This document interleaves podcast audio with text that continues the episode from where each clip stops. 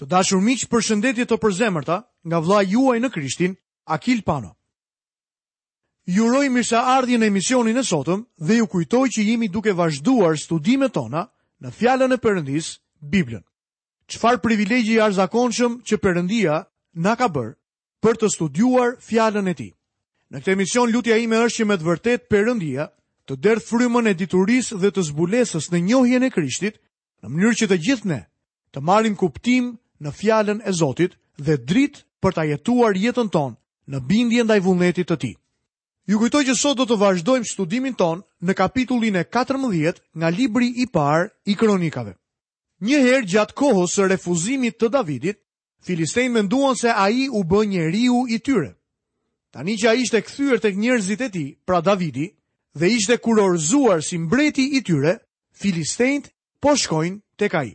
Le të shohim më poshtë se si Filistejtë vijnë tek Davidi, lexojmë nga vargu i 9 deri 12. Filistejtë arritën dhe u përhapën në luginën e Refaimit.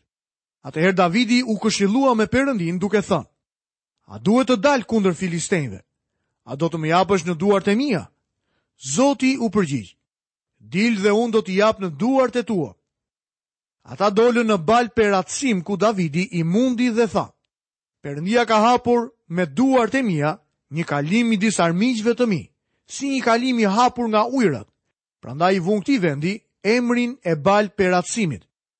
Filistejtë braktisën aty perënditë e tyre dhe Davidi urdhëroi që të digjeshin në zjarr. Kjo ishte një fitore e madhe e Davidit mbi Filistejtë. Izraeli nuk kishte pasur shumë fitore mbi këta njerëz. Lexojmë vargjet 13 dhe 14. Më vonë Filistejtë filluan të shpërndahen nëpër luginë. Davidi u këshillua përsëri me Perëndinë dhe Perëndia i tha: Mos u dil prapa, por merru krahët dhe sulu mbi ta përballë balsameve. Davidi mund të ketë thënë, ja ku janë sërish filistejtë për të luftuar kundër meje. Unë fitova një herë me ta kështu që do t'u dal sërish përpara. Jo, ai u këshillua me Zotin dhe Zoti i tha që nuk duhet ta bënte këtë. Perëndia në fakt i tha t'u merrte krahët dhe të sulej mbi ta përballë balsameve, pikërisht në atë vend Davidi do të fitonte. Shumë të krishterë përpiqen që ta tundojnë Zotin. Në vend që t'i besojnë, e tundojnë atë. U futen disa lloj punësh apo marrëveshjesh që nuk mund t'i bëjnë. Kafshojnë më shumë se sa mund të përtypin. Ata pretendojnë se e bëjnë këtë për shkak se i besojnë Zotit. Çfarë i shtyn këta njerëz të besojnë se Zoti u ka thënë të veprojnë në atë mënyrë? Kam njohur njerëz në jetën time që thoshnin se po vepronin në besim, kur në fakt nuk ishte besim, por hamendësim. Ata e quanin atë besim tek Zoti, por në fakt bënin gjëra të cilat Zoti nuk ua kishte thënë kurrë t'i bënin. Perëndia dëshiron që ne të presim në të për drejtimin e tij. Çdo gjë që quhet besim, në fakt nuk është i tillë. Kam parë njerëz që kanë rënë nga besimi duke vepruar në këtë mënyrë. Miku im, Është më se e sigurt që ne kemi nevojë t'i besojmë Zotit, por ne duhet të sigurohemi që po drejtohemi me të vërtetë prej Tij. Ndonjëherë ne dalim dhe luftojmë dhe herë të tjera kthehemi mbrapsht. Lexojmë më poshtë vargun e 15. Kur të dëgjosh një zhurmë hapash në majat e balsameve, hidhu menjëherë në sulm sepse Perëndia do të të dalë përpara për të mundur ushtrinë e filistenjve. Një pastor, miku im, erdhi tek unë për të më treguar për një kishë ku do të shkonte të shërbente, për shkak se unë dija disa gjëra për atë kishë e këshillova të mos shkonte. Ai më pyeti pse. Iu përgjigja. Do të ishte më mirë të prisje derisa të dëgjoje një zhurmë hapash në majat e balsameve. Para se të shkoje atje. Ka kohë kur unë dhe ti thjesht duhet të presim derisa mos të kemi asnjë dyshim që Zoti po e përgatit rrugën për ne. Bisedat për hedhjen e hapave të besimit mund të mos jenë fare besim. Ai mund të jetë thjesht një hamëndësim. Në vend që t'i besojmë Zotit, ndoshta po e tundojmë atë. Ne kemi nevojë të presim derisa Zoti të na japë një shenjë. Ne kemi nevojë të dëgjojmë atë zhurmë hapash në majën e balsameve.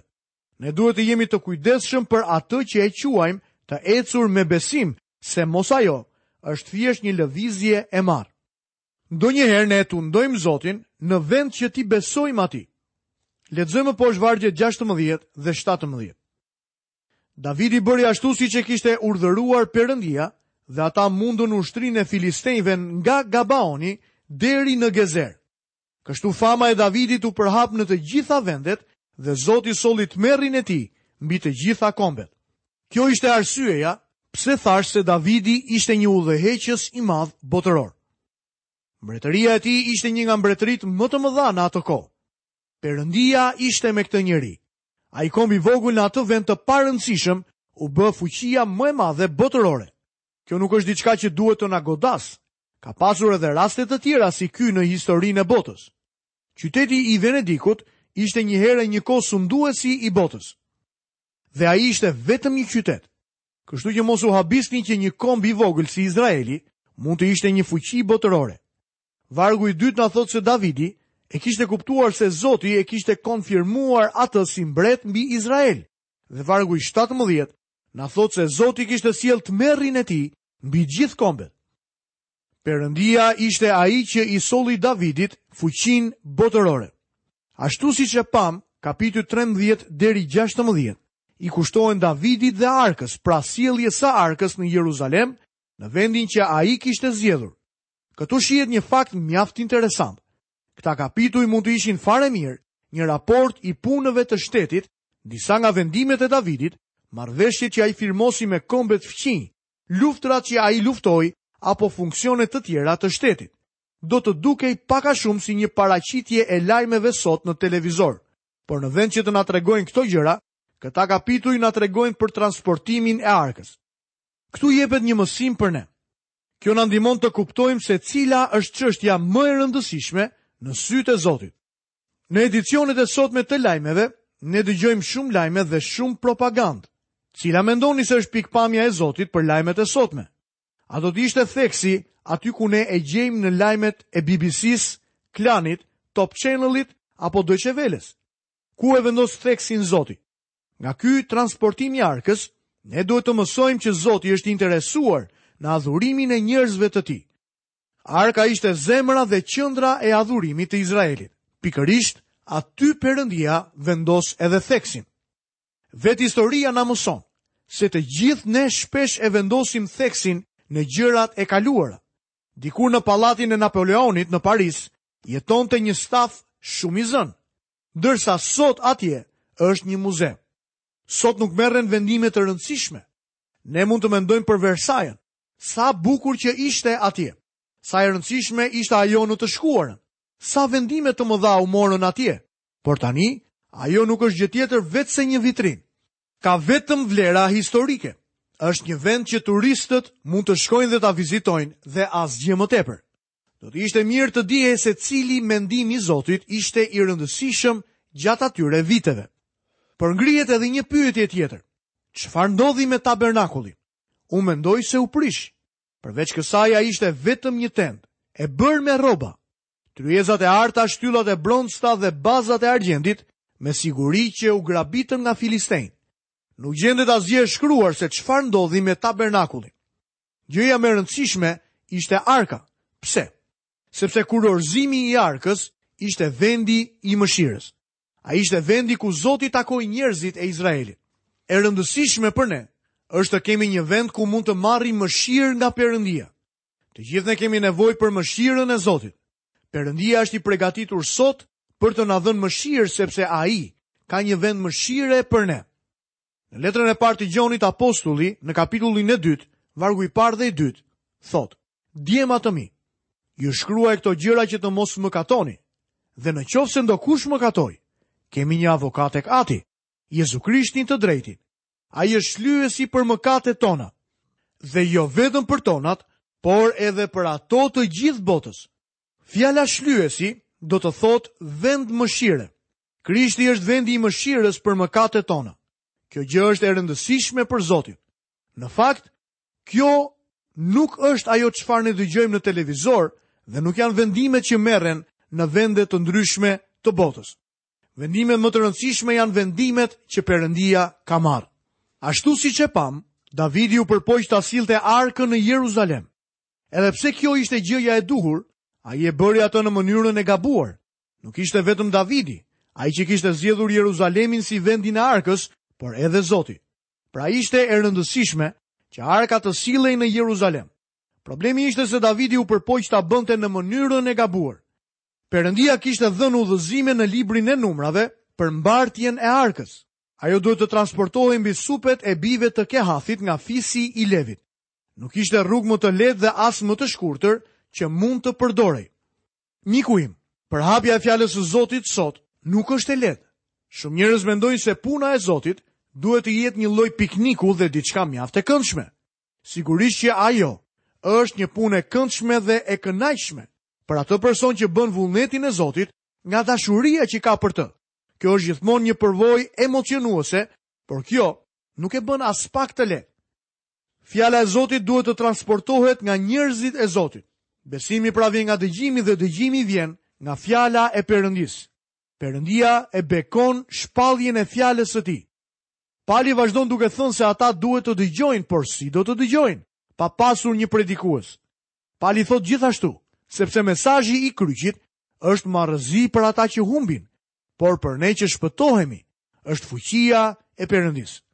Perëndia dëshiron që familja njerëzore të dëgjojë fjalën e tij nëpërmjet mjeteve njerëzore. Ai nuk e ka shkruar atë në qiell. Ai pret që ne ta predikojmë atë. Ndërkohë që shohim rreth e qark, vëmë re shqetësim. Kisha duke qenë se është larguar nga fjala e Zotit, është më e hutuar se çdo institucion tjetër. Teologjia e katolicizmit romak dhe protestantizmit po tërheq këmbët zvarrë. Pse? Sepse që të dyja janë larguar nga fjala e Zotit dhe si rezultat nuk po veprojnë sipas mënyrës së Zotit. Bindja ime e fortë është që çështja më e rëndësishme për ne duhet të jetë transportimi i arkës së Zotit. Me anë të kësaj dua të them se ne duhet ta përhapim ungjillin, Ne duhet ta çojmë fjalën e Perëndisë tek familja njerëzore. Le ta vendosim theksin aty ku Perëndia e vendos. Në kapitullin e pesëmbëdhjetë, Davidi e transporton arkën në mënyrën e duhur. Lexojmë në kapitullin e pesëmbëdhjetë të librit të parë të Kronikave, vargun e parë. Davidi ndërtoi disa shtëpi në qytetin e Davidit, përgatiti një vend për arkën e Perëndisë dhe ngriti një çadër për atë.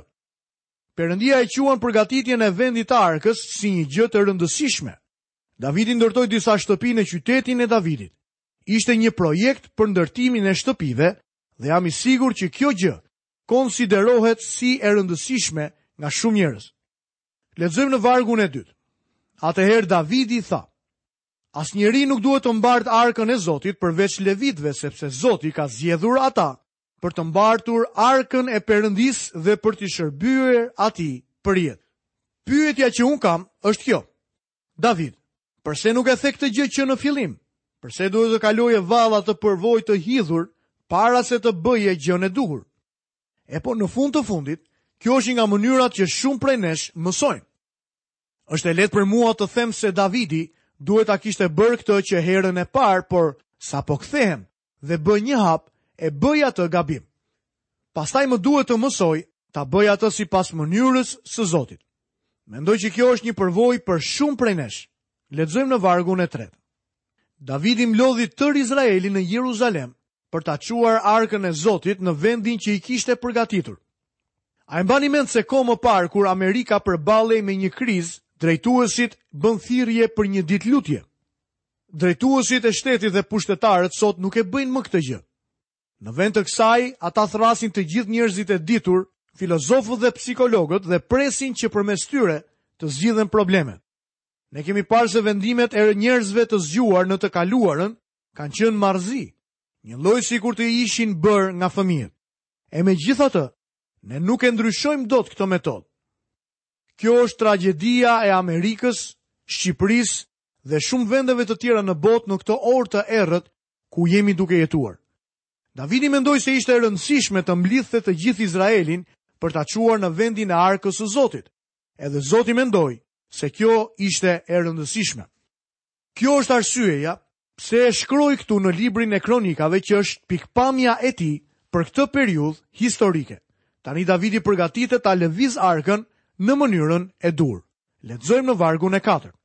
Davidi mblodhi edhe bijtë e Aronit, edhe levitët. Pastaj ai jep kryetarët e çdo familjeje numrin e njerëzve dhe gjithsecilin që do të vinte. Lexojmë vargjet 11 dhe 12.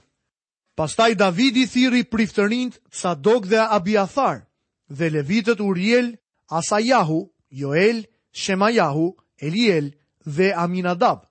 Dhe u tha atyre: Ju jeni të parët e shtëpive atërore të levitëve. Shenjtërohuni ju dhe vëllezërit tuaj që të mund të transportojnë arkën e Zotit, Perëndisë së Izraelit, në vendin që i kam përgatitur. Davidi kishte përgatitur një vend për arkën, por ne nuk na thuhet se ku ishte saktësisht ky vend. A ishte vallë në vendin e shirjes së grurit të Aranuahut. Më vonë ai e bleu atë vend për anën ku do të ndërtohej tempulli. Kjo është kreshta e quajtur Mali Moria, vendi ku Abrahami ofroi Isakun. Ky kurriz shkon mespërmes Jeruzalemit dhe Golgota, vendi ku u kryqëzua Krishti, ndodhet në të njëjtin vend. Mendoj se vendi që Davidi kishte përgatitur për arkën ishte në malin Moria. Lexojmë vargun e 13. Sepse herën e parë ju nuk ishit dhe Zoti Perëndia ynë hapi një të çarë midis nesh, sepse nuk e kishim kërkuar sipas rregullave të caktuara. Besoj se e mbani mend që në fillim Davidi fajësoi Zotin. Ai mendoi se ishte treguar i padrejtë në marrjen e jetës së Uzës, por më vonë ai zbuloi se ai vetë kishte qenë në gabim dhe e pohoi këtë gjë. Lexojmë vargun e katërt. Kështu priftërinjtë dhe levitët u shenjtëruan për të transportuar arkën e Zotit, Perëndisë së Izraelit. Besoj se e vutë re përsëritjen e shprehjes Arka e Zotit, Perëndisë së Izraelit. Këtu të krijohet përshtypja se arka është shumë e rëndësishme për Zotin. Lexojmë më poshtë vargun e 15. Bijtë e levitëve e mbajtën arkën e Perëndisë mbi shpatullat e tyre, me anë të shufrave, ashtu si kishte urdhëruar Moisiu sipas fjalës së Zotit. Ai i referohet udhëzimeve të detajuara të Zotit në kapitullin e katërt të Numrave. Ne e dimë që Davidi ishte muzikant. Ai e donte muzikën dhe në këtë ngjarje. Lexojmë në vargun e 16. Pastaj Davidi urdhëroi krerët e levitëve të caktonin vëllezërit e tyre këngëtarë me vegla muzikore, harpa, qeste dhe cembale për të pasur tinguj gëzimi. Davidi donte harpat, qestet, orkestrën dhe gjithë korin. Dita kur arka e Zotit do të vinte në Jeruzalem do të ishte një ditë e madhe gëzimi. Kjo ishte dhe pika më e lartë e ardhjes së Davidit në Jeruzalem. Zoti nuk regjistron asnjë ardhje të Davidit në Jeruzalem dhe as projektin e madh ndërtues të Davidit. Perëndia e vendos theksin mbi gjërat shpirtërore. Shpresoj që ju ta kapni këtë mesazh. Lexojmë vargun e 25. Atëherë Davidi, pleqtë e Izraelit dhe komandantët e mijësheve vepruan me gëzim në transportimin e arkës së besëlidhjes së Zotit nga shtëpia e Obed-Edomit. Kjo ishte dita më madhështore e popullit të Izraelit. Lexojmë vargun e 26. Kështu sepse Perëndia i ndihmoi levitët që mbanin arkën e besëlidhjes së Zotit, u ofruan si flijime shtatë dema dhe shtatë desh. Të gjitha këto sakrifica të çonin te Krishti. Të dashur miq, këtu kemi mbërritur në fundin e emisionit të sotëm. Lutem që përmes këtij studimi Perëndia të hedhë dritë në kuptimin tuaj për ecjen tuaj me Perëndinë. Lutem që ta ndani dhe ta veçoni veten tuaj për Perëndinë në mënyrë që ai t'ju shenjtërojë dhe si instrumenta të shenjta në duart e Perëndisë së Shenjtë mund ta mbartni ungjillin e tij kudo nëpër këtë botë. Nga vëllai juaj në Krishtin Akil Pano, paçi të gjitha bekimet e Perëndisë dhe paqen e Tij në jetën tuaj. Bashkë mirudëgjofshim në emisionin e ardhshëm.